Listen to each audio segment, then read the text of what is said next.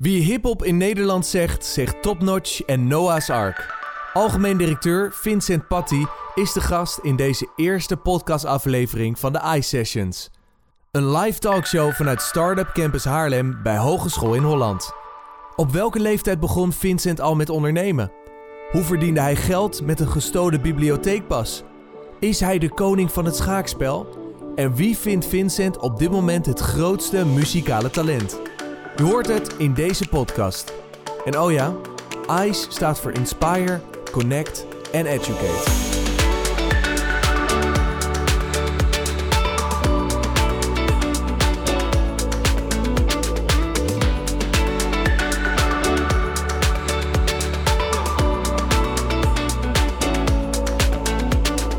Vincent, welkom. Leuk, uh, leuk dat je te gast wil zijn. Dank je. Wat is, de, wat is de beste lyric die je ooit hebt geschreven? Ik denk mijn... Uh, ja, dat weet ik niet. De eerste die dan altijd in me opkomt is de 16 maten op. Dat doen we niet meer. Een liedje van Murda met Ronnie, Flex en ik. En waarom dan die? Waarom noem je deze? Nou, omdat het was een beetje op een punt dat ik eigenlijk al steeds minder aan het rappen was. Nu doe ik dat eigenlijk bijna helemaal niet meer. En toen, toen was dat al, werd dat al minder. En toen had ik eigenlijk elke keer als ik dan wel iets rapte, had ik een beetje het gevoel dat moet elke keer een tekst kunnen zijn waar ik mee afsluit. En voor mijn gevoel was dat wel goed gelukt in die. Waar en dan vooral hoe is jouw liefde voor hip-hop ontstaan? Nou, waar is waar ik woonde. Ik, ik groeide op in, uh, in Leusden, dat is een relatief kleine plaats naast Amersfoort. Daar, uh, daar ging ik basketballen eigenlijk.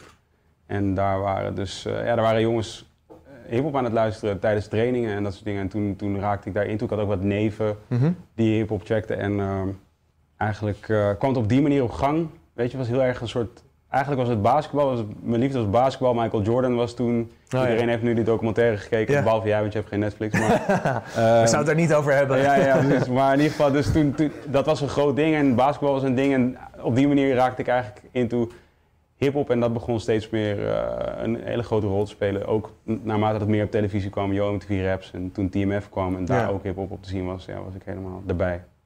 En wat was zo'n moment dat je dacht, nou, weet je dat hip-hop, ik heb er wel talent voor laat ik, laat ik gewoon muziek gaan maken en gaan uitbrengen. In plaats van alleen op straat bijvoorbeeld te rappen met je teamgenoten, beste vrienden. Ja, is dat er geweest of is dat Ik heb mij eigenlijk nooit heel erg afgevraagd of ik talent had voor iets. dus okay. uh, de, eigenlijk alles wat ik gewoon graag wil, wilde doen en eigenlijk heb ik dat nog steeds wel een beetje, dat deed ik gewoon. Uh, en, uh, ja, en ik was er dan altijd van overtuigd dat ik er goed in kon worden. Weet je, en dat was toen ook. En ik Sterker nog, eigenlijk had ik altijd het gevoel dat ik er al goed in was, eigenlijk vanaf het begin. Dus, dus dat was ook met dat zo. En, uh, maar ja, ik, was, ik hield niet echt rekening met uh, of het iets zou kunnen zijn, of dat, nee. ik, uh, of dat ik daar op een dag geld aan kon verdienen, of dat ik, of dat ik de, de beste zou zijn. Nee. Of wat dan ook. Zo, zo voelde ik me altijd al wel ja. als, ik, als ik iets ging doen. Dus echt vanuit passie ontstaan en niet met de gedachte, ik hoef heel groot te worden. Je deed gewoon je ding en je genoot ervan. En ja, er kwamen andere dingen op je pad. Ja, maar een van mijn grootste uh, gaves en een van mijn grootste vloeken is dat ik heel enthousiast kan zijn over ongeveer uh, alles. Dus ook dat. En wat betekent dat voor je bijvoorbeeld je werk op dit moment? Ja, bij wijze van spreken, als jij mij een verhaal kunt houden over waarom jij geen Netflix hebt, zou ik daar zomaar heel enthousiast over kunnen zijn en mijn Netflix opzeggen. Zeg maar. zo van, dat, dat is gewoon, ik ben heel goed uh, beïnvloedbaar, niet per se op een manier zo van. Weet je, dat ik een, een, een volger ben of zo, of, of ja. mensen achterna loop. Maar dat ik, dat ik wel oprecht uh, het heel leuk vind om andere mensen enthousiast te zien. En, en dan wil ik heel vaak ook meegenieten van dat enthousiasme. Ja. Dus als iemand mij een goed verhaal over sportvissen kan, kan houden, dan ben ik dit weekend aan het sportvissen. is het ook een, kan het ook een valkuil zijn? Ja, ja zeker. Ja, ja. Omdat, ik bedoel, het is natuurlijk wel een zaak dat, uh, tenminste, dat, weet ik niet of dat zo is, maar laat ik zeggen, zo wordt dat denk ik gezien dat het goed is dat je gefocust bent. Als je eenmaal iets aan het doen bent, dat het dan wijs is dat je je focus daar een beetje in houdt. Maar daar, ik ben niet per se een aanhanger van die stelling. Nee. Had je als artiest ooit nagedacht om platenbaas te worden? Nou, aanvankelijk niet. Maar als je uit mijn generatie komt, qua muziekconsumptie, uh, dan hield je ook van, uh, tenminste, ja, dat had ik heel erg van, van de boekjes en cd's. Dus dan ging je de oh ja. boekjes doorlezen van de cd's en daar had je dan credits, weet je. Dus daar had je dus, in hiphop specifiek waren er shout-outs, weet je. Dus op de achterkant van een, van een hiphop boekje stonden altijd shout-outs. Ja. Shout-outs naar andere rappers en shout-outs naar mensen, maar ook naar mensen uit de industrie. En, en dan zag je dus ook alle andere credits, dus de C-line en de P-line. En, dus de van, oh, en, en ik wist niet per se wat het betekende. Er stond dan bijvoorbeeld ook ehm, D&D rapper appears on this album courtesy of Warner Music of zo. En ik snapte niet wat dat betekende. Hmm. Maar ik dacht, ik was altijd wel heel erg geïntrigeerd door die, wat dat dan was. Ja. En, eh, dus ik denk wel dat, dat daar vandaan in ieder geval een fascinatie kwam voor de industrie. En natuurlijk, naarmate ik steeds meer MTV ging kijken en dat soort dingen, dan gingen ze ook uitleggen, weet je, van die zit op dat label en die zit op dat label. En nou ja, daar waren dan ook mensen de baas van. En op een gegeven moment toen hip-hop in Amerika eigenlijk evolueerde, zag je daar dus ook steeds meer artiesten in de industrie. Met Jay-Z als beste voorbeeld, nog steeds goed, Ja, nu nog een goed ja. voorbeeld. En ehm, ja, toen, toen was wel iets getriggerd bij mij dat ik dacht van, ah, dat, dat, dat is ook wel sick als je en rapper bent en de baas. Ja. Eh, En wat was dan het omslagpunt? Dat je dacht van, nou, nu ga ik een label oprichten en de focus meer leggen op het leiden van een label. Nou, toen ik hier studeerde, en ik dacht dat is een goede manier om studiepunten Is dat zo gegaan, ja? Ja, dat is wel min of meer wat Oh, het echt? was. Ja, ja, ik heb mijn afstuderen daar ook, mijn scriptie daar ook over Oh, ja. geschreven. En, en eh, ik heb gewoon heel veel dingen die ik, die ik deed naast, naast de studie, waren Mhm. eigenlijk, ik bedoel niet, dat klinkt stoerder dan het is, maar waren wel voor mij altijd een soort van, oké, hoe kan ik die combinatie maken? Snap je? Ik vond het al heel leuk om gewoon in de praktijk dingen te doen, maar ik was hier nog wel aan het studeren, dus ik probeerde gewoon heel vaak dat 1 2 te maken van hoe kan ik zorgen dat ik en aan het doen ben wat ik leuk vind om te doen, maar dat ik ook die studiepunten wel binnenhaal Ja. in de tussentijd. Dus dat was voor mij gewoon een makkelijke manier om het te doen. En eh, eigenlijk het hele verhaal is dat dus eh, eh, Kees de Koning, die dus de oprichter is van Topnotch en, en ehm, eh, iemand die ik ook al lang ken. Er was een moment waarop, hij, waarop wij een gesprek hadden over wel of niet, ik wel of niet zijn op Topnotch. Mhm.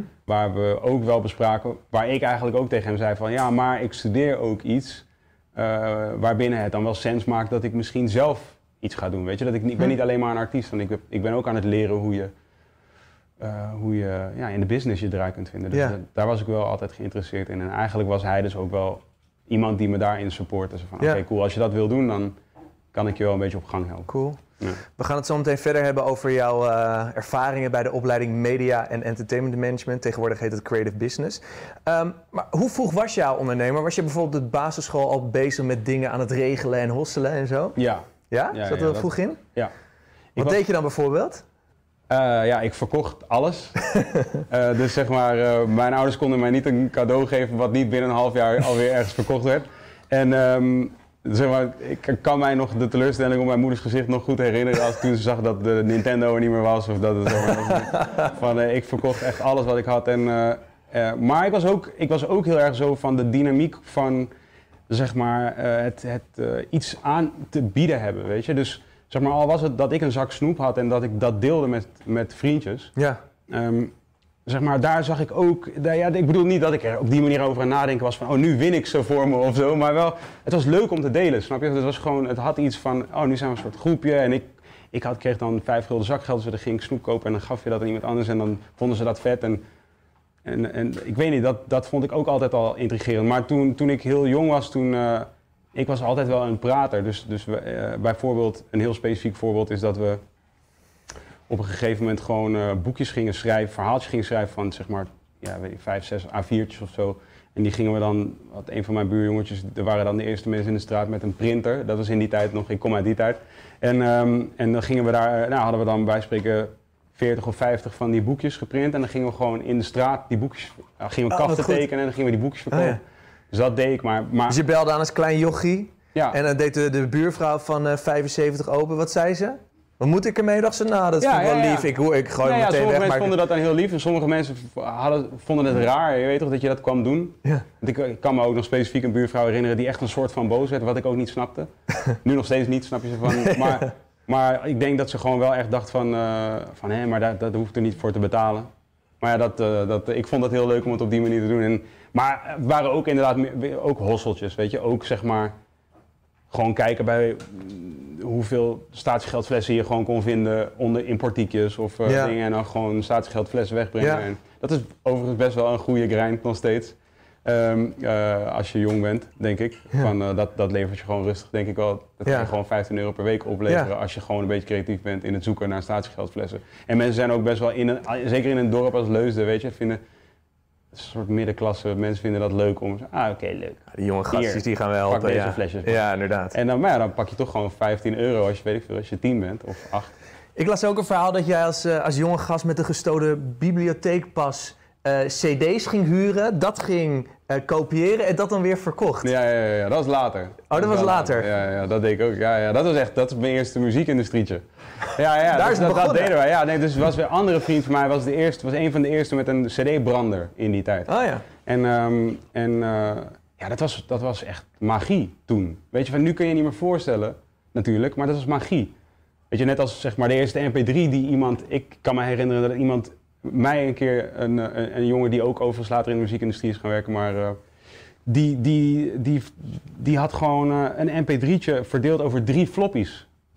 Snap je dat je gewoon drie floppies en er stond één MP3'tje op, Ja, van elk floppy moest je een Je stukje... deel downloaden. Ja, ja, ja. En, ehm, maar eh, ja, nee, dus hij had een brander en dan gingen we inderdaad, ja, dat, ja, dat was heel lullig, maar dan gingen we tijdens gym en dan pakten we de bibliotheekpasjes en dan liep ik, of dan liep ik naar buiten en dan was hij op een scooter en dan ging hij naar de bibliotheek, ging die cd's eh, eh, lenen en dan gingen we die weer branden en eh, kopiëren en Ja. dan gingen we die bootleg verkopen, ja. Ja, random. Ja, nee, ja, En, maar we dachten wel altijd van, ik deed niet dingen waar slachtoffers bij vielen. Want dat was ook zoiets, weet Nee. je, van uiteindelijk kon je Goed gewoon, ook. als, als dat pasje van jou was, ging je naar het biep, zij hebben mijn pasje gestolen. Ja, ja. En dan whatever er geleend was op dat pasje, dat was dan duidelijk geleend door iemand die dat pasje had gestolen. ja, nee, tuurlijk, inderdaad. En, eh, ik hoop wel dat dit verjaard is. In, inmiddels. Ik, hoop dat die mensen nog leven die daar het is wel echt fraude, denk ik. We gaan snel door eh, naar het volgende onderwerp, Noah's Ark. Eh, wanneer, wanneer ehm, of wat was eigenlijk het moment dat je dacht, nou, dat Noah's Ark, dat zou nog best wel succesvol kunnen worden? Ja, meteen eigenlijk wel. Oh ja? Ja, ja, omdat. kijk, ik was gewoon in de veronderstelling dat, dat hip-hop een, al, dat er een, al een grote eh, doelgroep was voor het genre. Weet je, en dat, en dat was allemaal al wel op zich wel duidelijk, want eh, ehm, als je optredens deed in die tijd al, zeg maar, je had toen, toen de, laat ik zeggen, de helden van toen, weet je, dus ook opgezwollen, Reemster, en Ja. ook Ali al en Lange Frans en zo en al die gasten. Van, je zag gewoon al van ja, zij konden wel optredens doen en er waren gewoon ja, best wel regelmatig op plekken waar ze helemaal niet vandaan kwamen, waren er gewoon 300, 400 mensen in de zaal. Maar de industrie was nog op zo'n manier vormgegeven dat er zaten overal gatekeepers. Dus ra- radio zat een Oh ja. muzieksamensteller, eh Free Record Shop had een inkoper. Weet je, dus je, je kon niet, zolang het niet aantoonbaar was dat wat we deden populair was, gingen die gatekeepers niet om natuurlijk. Dat is eigenlijk nu nog steeds, voor, met radio is dat nog steeds een Ja. beetje zo. Dus, maar ik had al het gevoel van ja, maar die mensen zit, die zijn er wel. Alleen die zijn nog nu eh, nog niet aan het participeren in dat ding. Omdat ze, zolang de Free Record Shop, hè, dat is kip of het ei natuurlijk. Zolang de Free Record Shop niet een bak heeft met Nederlandse hiphop, komen mensen niet naar de Free Record Shop voor Nederlandse hiphop. Dus is die inkoper geen Nederlandse hiphop aan het inkopen. Mm. Nou ja, zo, zo, zo redeneerde ik dus toen ook al. Toen kwam eigenlijk illegaal downloaden. Dit heb ik van de week nog aan iemand verteld. Toen kwam illegaal downloaden en toen dacht ik bij mezelf van oké, mensen zijn dood onze shit aan het illegaal downloaden. Dat kan niet anders.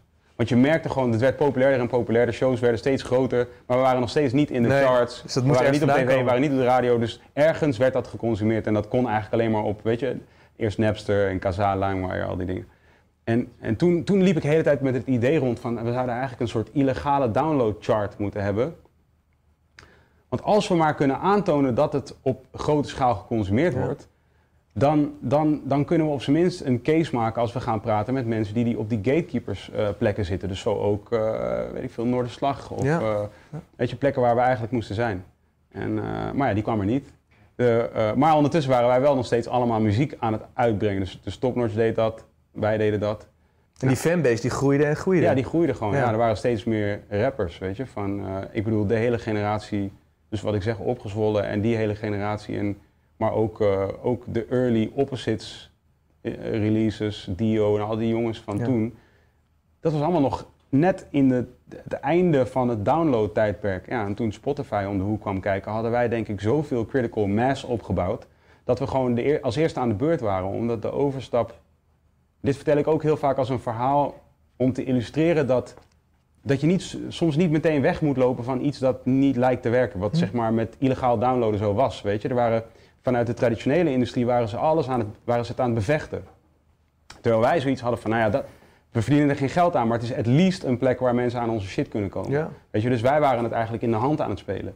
En dus toen, toen Spotify er was, is mijn theorie dat zeg maar, de overstap voor onze doelgroep was heel klein. Want ze zaten al op internet. En ze waren al aan het downloaden. Alleen nu kregen ze het in hogere kwaliteit en streaming. En ze hoefden maar één keer te betalen en dan kregen ze het gewoon het hele jaar door. Ja. Dus ik denk dat dat de reden is dat we zo'n gigantische, explosieve groei doormaakten aan het begin van streaming-tijdperk. Ja. Ik vind het mooi aan dit verhaal dat, dat je echt denkt aan lange termijn en dat je eh, laat zien dat doorzetten echt zin heeft, terwijl je niet meteen resultaat ziet. Als we dan even teruggaan naar de opleiding Media en Entertainment Man- Management. En ik ben heel benieuwd hoe je daarop gaat reageren. Wat heb je daar geleerd wat super relevant is voor het werk wat je nu doet? Ehm, Is dat er überhaupt? jawel, jawel, Oké, zeker, jawel, jawel. Nou ja, jawel, ik... Oké, dus Je mag eerlijk zijn, hè? Nee, sowieso zijn er, sowieso zijn er hele, denk ik hele praktische dingen die ik echt wel geleerd heb, die, waarvan ik geloof dat... Vanochtend had ik het er met iemand over, ik weet, ik ben nu alweer vergeten, Kruger, nog wat Kruger. Kennen jullie dat? dat, dat Ik ken alleen ding? Kruger, maar dat Nou, er is zo'n soort van eh, theorie waar mensen zeg maar, aan het begin van een, van een leercurve geloven dat ze niets aan het leren zijn. Oh ja. Maar dat je eigenlijk pas na een hele lange tijd, zolang je ervoor open staat om te beseffen dat je aan het leren bent, pas gaat beseffen wat je aan het leren bent. En dat heel vaak, nou ja, in, in- en dat is denk ik ook wat er gebeurt als je eerstejaars student bent, is dat je Hm. gewoon in de veronderstelling bent, ik ben niks aan het leren. En dat als je nooit door die curve heen gaat, nooit open gaat staan voor, het, de, voor de notie dat je aan het leren bent, ga je misschien ook terugkijken met het idee dat je nooit geleerd hebt. Terwijl eh, als je daarvoor open gaat staan, dan ga je wel zien van, oh ja wel, ik heb daar geleerd en ik heb daar geleerd en ik heb daar geleerd. Ja. En dat is bij mij denk ik ook zo. Dus toen Ja. ik hier zat, misschien minder. Maar eigenlijk achteraf, zeker toen ik begon te ondernemen, eh, kon ik denk ik wel terugkijken en zien van, oh ja, ik heb toch wel echt wel veel geleerd. En ik denk, het grootste, wat ik, het grootste goed wat ik hier leerde destijds, en ik weet niet hoe het nu is, maar is dat je moest best wel zelfredzaam zijn hier. Wij waren toen net voor het eerst, was het een, ehm, was Media en Entertainment Management, was het eerste jaar, 2001 was het eerste, eerste jaar ja. dat het een studie was. En, ehm, dus het moest gewoon opgestart worden, weet je. Ik denk dat de meeste docenten die hier toen les gaven, waren helemaal geen docenten. Ik net Richard, Richard zei net tegen mij, ik ben geen docent. Het conservatorium. Ja, precies. Dus van, eh, de, eh, heel veel docenten waren geen docenten. Dus ze kenden ook het systeem niet. Nee. Ehm, eh, maar die mensen kwamen uit de industrie. De studenten die er waren, waren denk ik ook niet je klassieke studenten die dachten, ik ga nu architectuur leren of ik Hmm. ga economie leren of zo. Nee, ze, ze dachten denk ik allemaal van, ja, ik ga die industrie in. Mijn ouders willen graag dat ik met een papiertje thuis kom. Dat kan ik hier halen, weet je. En dus, dus het was een soort cocktail van allemaal mensen die niet van plan waren om in het systeem echt mee te draaien, zeg maar. Ideaal voor als je in de muziekindustrie wil werken, want daar kom je alleen maar die mensen tegen. Oh, dus het is zeg maar, het is, het is eh, zelfredzaamheid en, en dus eh, openstaan voor, voor, eh, voor, alles, ja, voor alles wat jou eigenlijk wordt aangeboden, maar zich niet direct openbaart Hm. aan je. Ja. Dat, dat, dat is heel belangrijk, weet je? Dat, je, dat, je? dat je kansen ziet en dat je ziet welke mensen jou eventueel kunnen inspireren of dingen kunnen leren. eh, ehm, zonder dat dat misschien per se direct evident is. Weet Ja. je? Eh, maar dat echt opzoeken, dat, dat heb ik hier heel erg geleerd. Van, Mooi. ja, gewoon die mogelijkheden opzoeken. En, en, ja, en ik leerde hier ook, ik bedoel, dat is een HBO-studie. Weet je, ik leerde hier natuurlijk al een beetje om mensen dingen voor me te laten doen en zo. Ja. Van eh, als je gewoon in een projectgroep, ik was altijd degene die als eerste in een projectgroep zei van wil iemand iets hypen van de kantine en dit en dit en dat. zeg maar, ik was altijd van die eerste weken, dat was die cruciale week. En dan had ik altijd al wel een paar goede beurten gemaakt, weet je. Van, dan was ik heel, heel aanwezig bij de eerste brainstorm sessies of heel aanwezig bij de eerste opzet of zette ik een grote lijn uit en dan, en dan, en dan kon ik daarna een beetje Homer Simpson in de bosjes meme.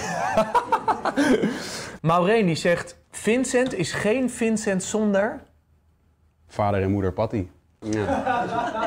Ja, zo simpel kan het ook zijn. Ja, dat, ja, dat is. Ik bedoel, en, en, en dat is natuurlijk zeg maar biologisch gezien zo, maar ook, ook in de praktijk ook gewoon wie ik ben. Weet je, helemaal nu naarmate ik ouder word. En ik denk dat dat heel veel mensen dat zullen herkennen. En ik heb ook net een kleintje gekregen en Ja. zo. Dus je gaat steeds meer beseffen wat de invloed van je ouders is geweest. En eh, ik heb, eh, ik heb toen zelf een podcast, daar had ik Ja. onlangs mijn vader in te gast. En die, die legde daar ook nog een keertje haarfijn uit aan iedereen die het wilde horen. Dat, dat, dat ik echt ten dode was opgeschreven als mijn moeder er niet was. En, eh, dus, want die, die heeft mij bijvoorbeeld ook deze studie op een gegeven moment eh, verkocht. Ik heb die podcast geluisterd. Ik vond het een heel, een heel mooi gesprek. Volgens mij heb je er ook heel veel eh, mooie reacties op. ja, gekregen, ja, dat is heel leuk. Ik bedoel, het is natuurlijk ook een beetje een inkopper met je vader, weet je, van het wordt. En het was twee dagen nadat mijn zoon was geboren. Ah. Dus hij was natuurlijk nog helemaal soort emotioneel en, en, en, en zacht en Ja. zo. Dus het was, heel, was een heel lief, was een heel lief moment. Ik heb nog een één kleine leuke anekdote over iets wat ik geleerd heb hier. Ik had, Oh, een, ik had een minor Ik gedaan. ben benieuwd. Ik had een minor onderhandelingstechnieken gedaan. Hebben jullie dat nog hier? Onderhandelingstechnieken? Oeh, weet ik niet. Er zijn een paar er huidige studenten. Is die er nog? Sick, sick. Wie, Ja? geeft, wie geeft dat? Eh, nee, we hebben een paar cursussen gehad. Oké. Een paar cursussen. Is wel echt, dat, ik vond dat toen al heel tof. Dus ik had dat, ik had dat toen gekregen. Ja. Eh, ik, had het, ik had het vak gekregen en ik vond het super boeiend, omdat je dus, we gingen, dat was voornamelijk eh, ja, die situaties handsneren, weet je, van we gingen gewoon het doen, zeg maar. En dan e- één keer moest je dan vertegenwoordigen je een artiest, de andere keer was je zelf artiest, de andere keer was je manager en zo, eh, zo moest je dat doen. Dus ik vond het super sick. Dus toen ik eigenlijk kort eraf was, was dat echt heel erg wat me was bijgebleven, weet je, van oké, hoe stel je op, hoe ga je zitten, voor op je stoel, achter op je Oh, stoel. Ja. Ehm, eh, voer je het woord als eerste, weet je, doe je als eerste, vertel, je, vertel jij wat je wil of wacht je af wat die ander zegt. Dat soort dingen. Onlangs, bij, eh, ik denk een paar jaar geleden, bij het verlengen van de deal van Busy, kreeg ik dus een e-mail eh, van eigenlijk onze legal afdeling doet dat, maar ik sta dan altijd op CC. Dus, eh, dus ik las gewoon een beetje mee. En op een gegeven moment ging het, kwam het op een bepaald punt waar, waar dus de, de, de onderhandelaar van Busy, dus die zijn contracten uit onderhandeld, die zei iets. Iets wat mij niet helemaal aanstond. Waar ik dus op reageerde, enigszins fel. Zo, dadadadada, ik zei iets. En toen, eh, toen reageerde hij weer, toen reageerde ik weer. En het was een klein beetje een soort getouwtrek. En toen zei hij op een gegeven moment tegen mij eh, van... eh, toen zei hij, zo ken ik je weer, zei hij toen. En toen dacht ik, zo ken ik je weer. Ik, weet helemaal niet wie dit is. Toen ging ik hem googlen. En toen was dat dus die docent die mij Oh, onderhandelingstechniek Oh, heeft geleerd. Ja, ja, Oh, dat was goed. sick. Dus toen was ik gewoon in een onderhandeling met hem. Dat was heel grappig. Mooi hè? Het blijkt me ook weer een kleine, het is ook weer een kleine wereld als je het zo weer terugkijkt. vet, ja. Sally die eh, stelt de vraag, waar heb je stage gelopen en heb je tips voor een stage? Ik heb stage gelopen bij Supertracks, dat was een label in eh, Harderwijk. Waar destijds eh, onder andere Simon en Kipski waren getekend, wat, wat, wat best wel een toffe act was in die tijd. En, maar ook Bastion. En Bastion is de act van Bas Bron, de producer van de jeugd jeugd, tegenwoordig. En ehm, toen ik daar stage liep, kwam dus ook Wat's Gebeurd voor het eerst daar. Toen, die kwam langs toen ik daar stage liep. En, en eh, ja, je weet toch, ik bedoel, die verhalen die, die gaan op een gegeven moment altijd een beetje vormen in je hoofd naarmate je ouder wordt. Maar wat ik me ervan kon herinneren was dat ze daar niet per se enthousiast waren om het te doen omdat het Nederlandstalig was. En dat is niet wat ze deden. Waarvan ik toen al dacht van, jullie zijn helemaal gek geworden. Dit moet je wel doen. Maar niet gedaan. Hebben ze het niet gedaan? Dus niet, nee, niet getekend, nee. Nee, het is bij Topnotch uitgekomen. Ja. Maar eh, mijn tip voor een stage is, weet je, zoek denk ik ja, echt iets wat, wat echt bij je past. Dus weet je, iedereen kan roepen, ja, ik wil bij het cool, je weet toch, iets heel cools, zeg maar. Zo van, ja, oké, ik wil daar gaan stage lopen, want het is gewoon cool en iedereen wil dat. Ja. Alleen, ik zou vooral iets zoeken waarvan jij ook zelf kunt inschatten dat die mensen daar beseffen dat jij de juiste persoon bent. Ja. Ja, dat moet ik zeggen ook nog wel eens bij ons, weet je, dat, dat ik denk van, hmm, het is helemaal niet zo logisch dat je hier wil zijn. Dus het past niet per se bij je. En ik denk dat je dan misschien meer hier wil zijn omdat je denkt dat het gewoon een Ja, goede plek is en ja, een, ja. goede naam op je cv wellicht of zo. Eh, maar ja, zoek gewoon iets wat je echt, echt heel leuk vindt. En, en ja, muziekindustrie, weet je, het is ons kent ons. Dus eh, ja, zoek die handshake, zoek die one handshake away. Eh, want ja, langs die kant binnenkomen is gewoon veel makkelijker en veel sneller dan, eh, dan langs de conventionele kant. Ja. 2020, algemeen directeur bij Top Notch en Noah's Ark. Wat is je beste beslissing van dit jaar geweest? Ja, mo- moeilijk hoor, wel. Ik denk, ik heb, eh, we, hebben een, we hebben een paar nieuwe mensen aangenomen, waar, die, waar ik wel blij mee ben, nu al blij mee ben. Achter de schermen? Ja, Vol- ja, ja, ja. ja, ja, gewoon mensen die werken bij ons, ja. Mhm.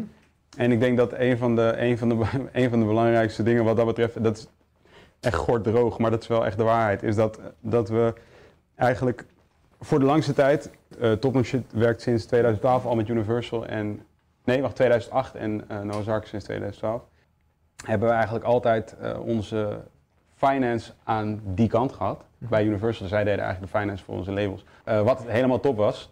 Alleen ik denk dat zeg maar, hoe, hoe groot we nu zijn en hoeveel, uh, ja, om hoeveel belangen het gaat, was het, was het gewoon heel belangrijk voor ons om iemand te hebben die bij ons echt intern zit om dat te doen. Ja. En die hebben we nu. En daar ben ik wel heel blij mee. Ja. Andere goede keuze is dat ik uh, toen, de, uh, toen de, de quarantaine begon, toen heb ik, heb ik bij wijze van een hart onder de riem voor het team, heb ik een, uh, heb ik een ding, een, een soort wekelijkse e-mail op maandag gestart die de Goed Nieuws Top 5 heette, waarin ik gewoon vijf goed- stukjes goed nieuws. Oh, Eh, mail naar iedereen, eh, wat gewoon inderdaad was om een beetje iedereen op te fleuren aan het begin van de week. En dan daar deed ik dan een soort wat kleine dingetje omheen, een toffe quote en, en Ja. een ander soort verhaaltje gewoon. En eh, dat is eigenlijk een beetje uitgegroeid tot iets wat nu echt een heel mooie ja, soort nieuwsbrief is. Maar nog steeds dus start met vijf goede nieuws-items. Ja, En ehm, daar ben ik ook wel heel blij mee, want dat, dat is wel iets waarvan ik denk dat eh, dat, dat, dat dat gaat blijven, zeg maar. Eh, het is eigenlijk puur toeval. Ik zag het, het schaakbord. Mhm. Ik pak deze er even uit, de koning. Mhm. Mhm. Ben jij de koning van het schaakbord of zie je toch jezelf als een ander stuk? Oh, pff, wat een, een na- ja, vervelende vraag wel. Ja, ik bedoel, de- ja, binnen mijn, eh, binnen mijn, ja. Ja, ik kan dan een heel soort politiek correct antwoord daarop geven, toch? Uiteindelijk, kijk, ik vind wel dat, ja, ik ben de koning van het schaakbord, maar dan zou ik daar wel bij willen zeggen van, eh, dat komt omdat je de, ook de verantwoordelijkheden die daarbij hoort neemt. Snap Mhm. je wat ik bedoel? Dat is, het is, ik denk dat iedereen wil heel graag de koning zijn totdat je koning shit moet doen, snap je? Ja, ja, ja. En ehm, ik vind wel dat ik, ik, ik vind dat ik wel koningsshit doe. In die zin dat eh, het is best wel, het is best wel een taaie, het is best wel een taaie klus. Mhm. Weet je, van eh, directeur zijn van anything is een taaie klus. Maar ook bij ons, weet je, van wij, als je kijkt naar dit jaar, weet je, dus we zitten, nou ja, er is natuurlijk een globale pandemie. Ik weet niet of je het gezien hebt, maar dat is waarom mensen met ik heb mondkapjes. Netflix. Ja, en eh, nou, dat, dat is dus aan de hand. Het, het, het jaar startte voor ons met, eh, met of voor ons.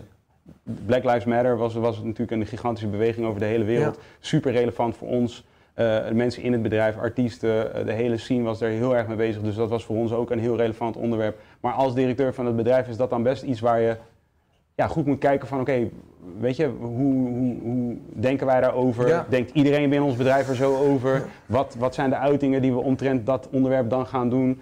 Eh, gaan we heel erg stelling nemen? Gaan we meedoen met demonstraties? Weet je, allemaal dat soort dingen. Toen eh drillrap kwam in opspraak Nou ja. dit jaar. Dat is Ja. waar, wij, waar wij zelf, eh, ja, in, in ieder geval eigenlijk de grootste act in dat genre die is bij ons getekend. Dat leidde tot best wel veel tumult, best wel veel vragen van mensen. En zo waren er nog ja, een paar van dat soort best wel grote dingen die dit jaar gebeurden. En ja, op dat moment kun je dus, dan ben je ook de koning. Ja. Zeg maar. En dan ben jij ook degene die de telefoon moet opnemen en die, eh, die aan iedereen verantwoording moet afleggen. eh, aan zowel ja, het team als de artiesten, als media, als eh, de industrie, als mensen, misschien wel, weet je. Allerlei mensen hebben daar dan vragen over en dan moet je dus wel ja, er zijn daarvoor. Is dat lastig? Ja, zie je het echt? Ja, ja. Dat is lastig, ja, natuurlijk. Lig je er wel eens wakker van? Dat je echt denkt nee, van nee, shit. nee, nee, nee, omdat ik weet dat het zeg maar beter is dat ik slaap. Ja, Eh, omdat eh, rust helpt als je, eh, als je belangrijke beslissingen moet maken. Dus in, daar ben ik best wel pragmatisch in. Van, ik weet gewoon dat het nodig is voor mij om te slapen. Dus ik weet dat wakker liggen is averechts. Dus, dus ik, doe er dan, ik doe er ook van alles voor om te zorgen dat ik s'avonds moe Ja. ben. Dus, dus, dus nee, ik slaap. Ik heb ook een redelijk schoon geweten. Dus eh, ik kan goed slapen, gelukkig. mooi. Goed zo. En ik heb nu een kind, die maakt me, houdt me wel wakker. Ja, ja. we zijn kortere nachten, maar goed. Ja. Je krijgt een roze wolk voor terug, toch? Ja, zeker. We hebben een kijkersvraag en die is van eh, Julian. Hi Vincent, mijn naam is Julian. Ik ben een student hier eh, bij in Holland Haarlem. Eh, en mijn vraag aan jou vandaag is eigenlijk: eh, wie is nu eigenlijk op dit moment jouw favoriete artiest? Ah, dat is wel interessant. Ja, is wel is mo- mo- moeilijk. Want wat ik al zei, weet je, van ik, ben, ik ben dus echt een heel makkelijk te enthousiasmeren persoon. dus ook Ja. muzikaal, weet je, van ik kan echt eh, om, de raarste, om de raarste redenen ineens zomaar eh, muziek. Afgelopen zaterdag toen toen kwam mijn vriendin beneden en zei, wat luisteren wij? En toen zei ik, country. En toen was ik gewoon, dan was ik, dacht ik ineens, ik heb nog nooit country music geluisterd in mijn leven. Ik heb de hele dag country music geluisterd. Ik heb gewoon, ja, allemaal country muziek, muziek aangezet. Toen dacht ik ineens van, ah, ik volk hier eigenlijk wel mee. En toen was ik daar ineens heel enthousiast over. En, eh, maar ik vind in Nederland nu, eh, ja, laat ik dan eh, wij van WC 1, Ja. Jay Lauren vind ik echt een uitmuntende artiest. eh, Ja. ehm, super trots dat, dat zij bij Topnotch getekend is. En su- gewoon super trots op haar als artiest en de muziek die zij maakt. Ja, er zijn gewoon, er zijn er zoveel. Maar ik zou zeggen, laat ik zeggen, globaal eh, eh, enthousiast, als, enthousiast van dat ik weet dat er een release aankomt, eh, Drake bijvoorbeeld. Ja. Kanye, nog altijd. Waar ik heel erg naar, benieuwd naar ben. Welk advies heb jij jouw artiesten gegeven die je vroeger ook wel gehad had willen hebben? Oh. Weet je, ik heb heel erg altijd last van. van recency bias. Snap je? Dus van alles, alles wat ik gewoon recentelijk heb meegemaakt, dat is, dat is wat, wat, wat het altijd, hoe het gaat, weet je. En ik zie daar een, een, een hoes staan van een Hef single. En Hef is sowieso echt mijn guy. En, ehm, eh, maar van de week had ik een, eh, een appgesprek met Hef. En hij, is dan, hij werkt ook bij ons, dus hij is niet echt meer alleen een artiest, maar hij is nog steeds een van de grootste Nozark artiesten. Mhm. En ehm, hij zei van de week, eh, ik vind dit eigenlijk een slecht idee over iets wat iemand anders opperde in een andere chat.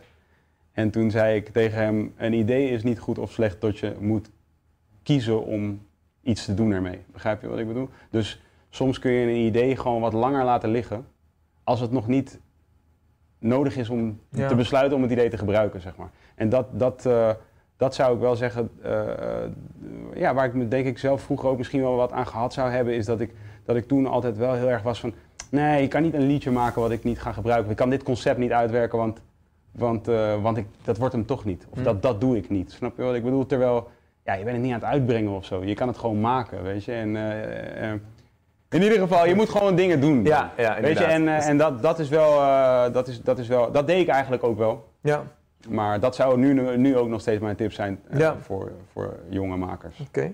Maureen die stelt de volgende vraag. Stel je voor je maakt een volledige carrière switch die net zo succesvol is als je carrière nu. Wat gaat het dan worden? Personal trainer. Personal trainer, ja? Ja. Ben jij eh, sportief en eh, sta je regelmatig Ja. de sportschool? Ja, dat. En, maar ik vind het ook heel leuk. Zeg maar, het, is ook heel. Het lijkt, me- het- ik, ik ben dus inderdaad, ik train met personal trainers en dan, ik denk altijd van, echt leuk dit. Ja. Van gewoon, eh, weet je, een beetje met mensen helpen en dingen en dingen. En als dat het niet zou worden, dan zou ik gaan werken bij een, ehm, dan zou ik willen werken voor een aannemer. Maar dan wel een beetje in de categorie oude huizen en zo. Gewoon, oude, eh, gewoon bouwen in oude huizen, eerst shit slopen, dan weer, weer bouwen. En als dat hem niet wordt, dan zou ik eh, schilder willen zijn. Eh, niet eh, kunstschilder, maar schilder in een huis. Gewoon muren witte. Zeg maar, dat is gewoon een soort van de, de, de, de, de, de ondergrens. Vandaar dat, dat is van, van alle dingen. Maar dat zou ik wel echt vet vinden. Dat doen, weet je, is zowel voor artiest zijn als ondernemer zijn. Of Ja, als je, als je, is, is denk ik heel belangrijk. Dus gewoon al weten wat je antwoord op die vraag is. Dat is ook super belangrijk. En niet om opties te hebben of zo, dat is allemaal onzin, want daar gaat het helemaal niet om. Het is gewoon keep the juices flowing. Snap je? Blijf gewoon de hele tijd zoeken naar waar je enthousiast van wordt. Dat is echt belangrijk. Ja, mooi advies. We hebben twee eh, muzikanten van het conservatorium te gast. Een plek waar enorm veel talentvolle muzikanten vandaan komen. En één daarvan is Richarda.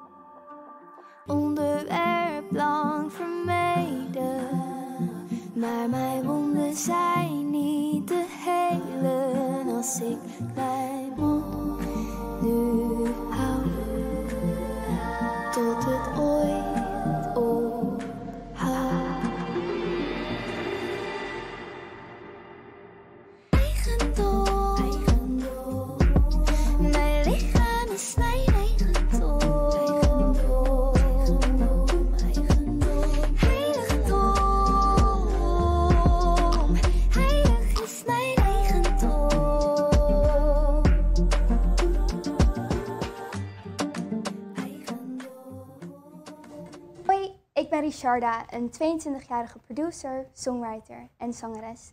En ik richt mij vooral op het maken van Nederlandstalige popmuziek. Zojuist hoorde je een stukje van mijn nummer Eigendom. En dit gaat eigenlijk over het hernemen van je lichaam na een vorm van aanranding. En de reden waarom ik dit nummer heb gemaakt is omdat het mij heel erg verbaast hoe vrouwen vanaf een jonge leeftijd te leren krijgen hoe ze aanranding kunnen voorkomen door zichzelf aan te passen. Maar aanranding is iets wat je als slachtoffer niet kan voorkomen. En dit is zeg maar een van de vele voorbeelden waarop de schuld in de schoenen wordt geschoven van het slachtoffer, terwijl deze er niks aan kan doen.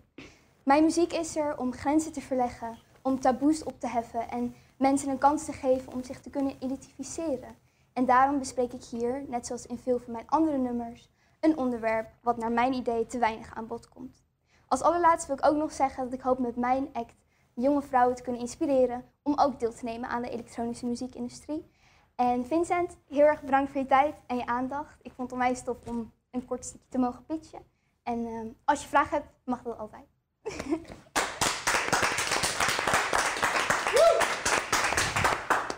Beladen onderwerp. Ja, Je hebt het stuk van het liedje gehoord. Wat is je, wat is je reactie hierop? Eh, vooropgesteld echt sick hoe, hoe Richard... Ik heb ook een, een, eh, de eer gekregen om een rondleiding te krijgen van Richard. Dus ik, dus ik kende haar al. Maar Ja. echt heel, heel sick ook hoe ze dit presenteert. is echt best wel amazing. En ehm, ja, dat liedje ook heel erg goed. En de, ehm, kijk, de beladenheid van een onderwerp... ehm, eh, maakt voor mij nooit een liedje beter of minder goed, zeg maar. Want het kan, een liedje kan ook super dom zijn en heel goed. Hm. Zeg maar, en met super dom bedoel ik niet per se heel veel om het lijf hebben. Dus, dus eh, dit is, maar wat ik wel denk is dat, en waar ik heel, wat ik heel blij mee ben om te zien, is dat eh, vrouwen eh, in Ne- Nederlandse muziekindustrie in ieder geval zie je nu steeds meer vrouwelijke artiesten, horen wij steeds meer. En dat is gewoon een super goede ontwikkeling. Ik was onlangs ook op een, eh, met een andere, een popacademie in Utrecht, niet de Herman Academie, maar een andere.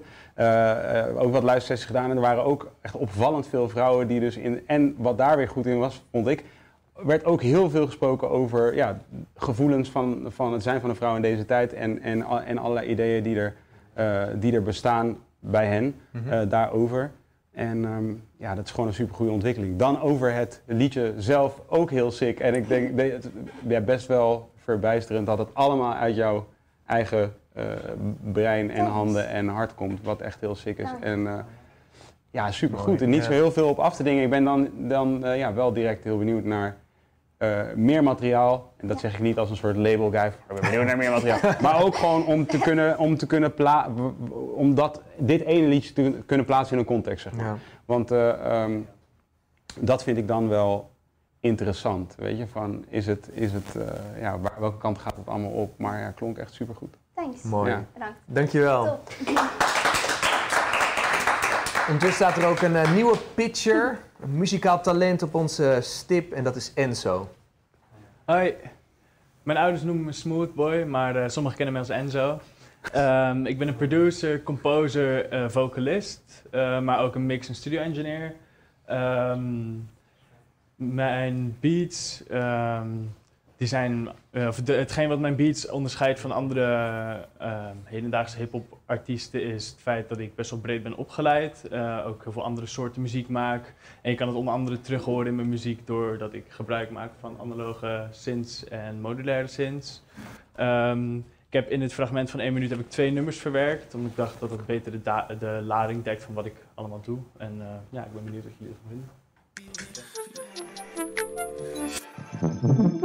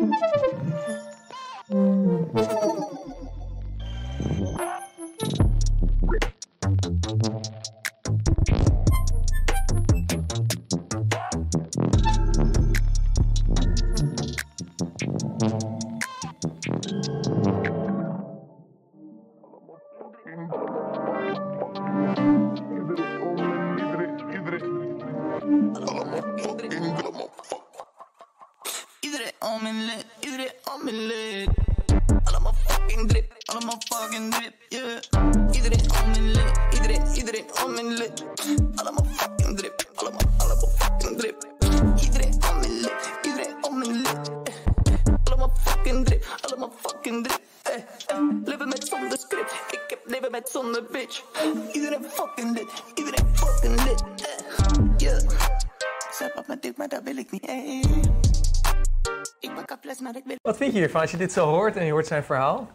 Sick, ja, ook weer wederom heel sick. Weet je, van, eh, eh, ook een hele goede presentatie. En eh, ik bedoel, ik, je, als je zeg maar zo voor de dag komt, als het jaar voor de dag komt, dan, eh, dan wek je wel een bepaalde verwachting op. Denk bij mensen van, oké, nu gaan we dat ook horen. Maar dat horen we dan ook vervolgens, weet je, van eh, tof, eh, super origineel. eh, ja, je zegt ook al van, je werkt met, met synths, modulaire synths en analoge synths. Dus van, ja, dat, dat, dat, dat gebeurt nu niet per se superveel.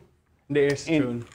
Wat zeg je? In de eerste tune hoorde je dat, maar in de tweede tune was het meer sample-based. Ah, Oké, oké. Oh, dat worden hier twee, hè? Dat waren twee tunes, ja, één kort fragmentje van één tune. Oh, lijp. Ja, ja. Oké, gek. Maar ja, in ieder geval, sowieso klonk het dus heel uniek, zeg maar. En eh, ja, hetzelfde verhaal eigenlijk. Dan moet je het dus weer vervolgens een beetje kunnen horen in een context, weet je. Van, Ja, ik heb een hele mixtape voor je liggen, dus ik kan het daar door, je doorsturen. Kom maar door, eh, kom maar door. Ja, zeker. Eh, Ja. Zal ik dat via Instagram doen? Of, eh, Maakt niet uit. Maakt niet uit. Het werkt allemaal. Vincent.tnna.nl Voor iedereen die nog muziek wil sturen, dat, dat kan gewoon. Maar ja, nee, heel cool, heel cool. Alright, ja, thanks. Mooi. Leuk, Ja. eh, leuk dat jullie enthousiast zijn. Enzo, dankjewel. Succes. Jullie ook bedankt. Ja, we zijn inmiddels eh, bijna door de tijd heen. Ik heb nog honderd vragen, maar helaas eh, moeten we afronden. En dat doen we niet eh, zomaar. We hebben namelijk eh, twee dingen voor je. Het eerste, want het is wat ook een boek, is een cadeautje. Ah. En ik zou zeggen, pak hem even uit. Altijd spannend natuurlijk. Het zal erin zitten. Ja, ik, ik gokte het. Ja? Ja, ja, ja. Laat even zien, wat is het? Ah. Heel lief. Ah, ja, leuk. Het is een rompatje. Een rompertje. Vet hoor.